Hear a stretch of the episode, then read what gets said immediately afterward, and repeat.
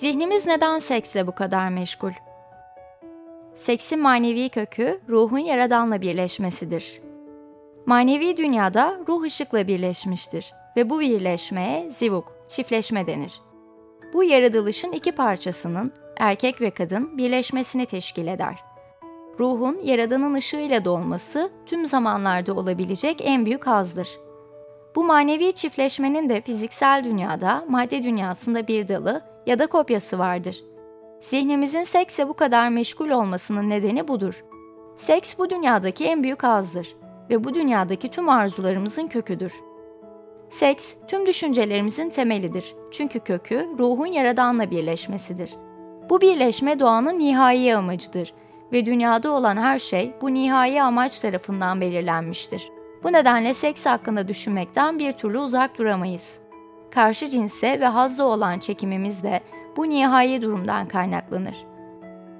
Bu nihai duruma yani yaradanla birleşme durumuna zivuk, hiç bitmeyen cinsel birleşme denir. Seksten aldığımız haz, fiziksel ve manevi zevk arasındaki farkı gösteren mükemmel bir örnektir. Seks hakkında düşünmeye çok fazla zaman ve güç harcarız ve seksin bize müthiş bir haz vereceğini hayal ederiz. Fakat aslında cinsel doyumun zirvesine ulaştığımız anda bu has havaya gider, yok olur. Bu duyguyu gerçekten onun keyfine varacak zaman bile olmadan biter ve tekrar kendimizi başka bir zevk anı için uğraşırken buluruz. Dünyamızda olan budur.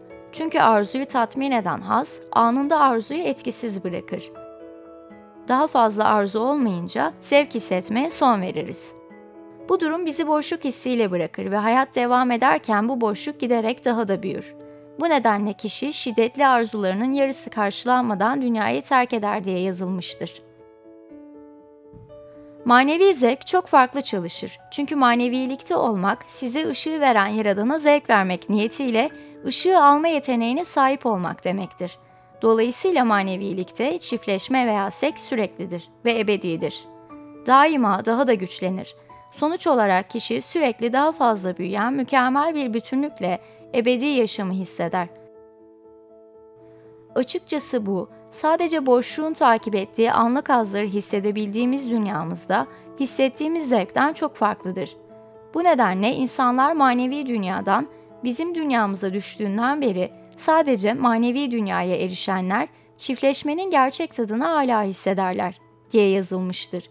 Gerçek manevi zevk yaratılışın iki zıt parçası, erkek ve kadın, beraberce birbirine karışarak birleştiği ve ortak ışıkla dolduğu zaman edinilir.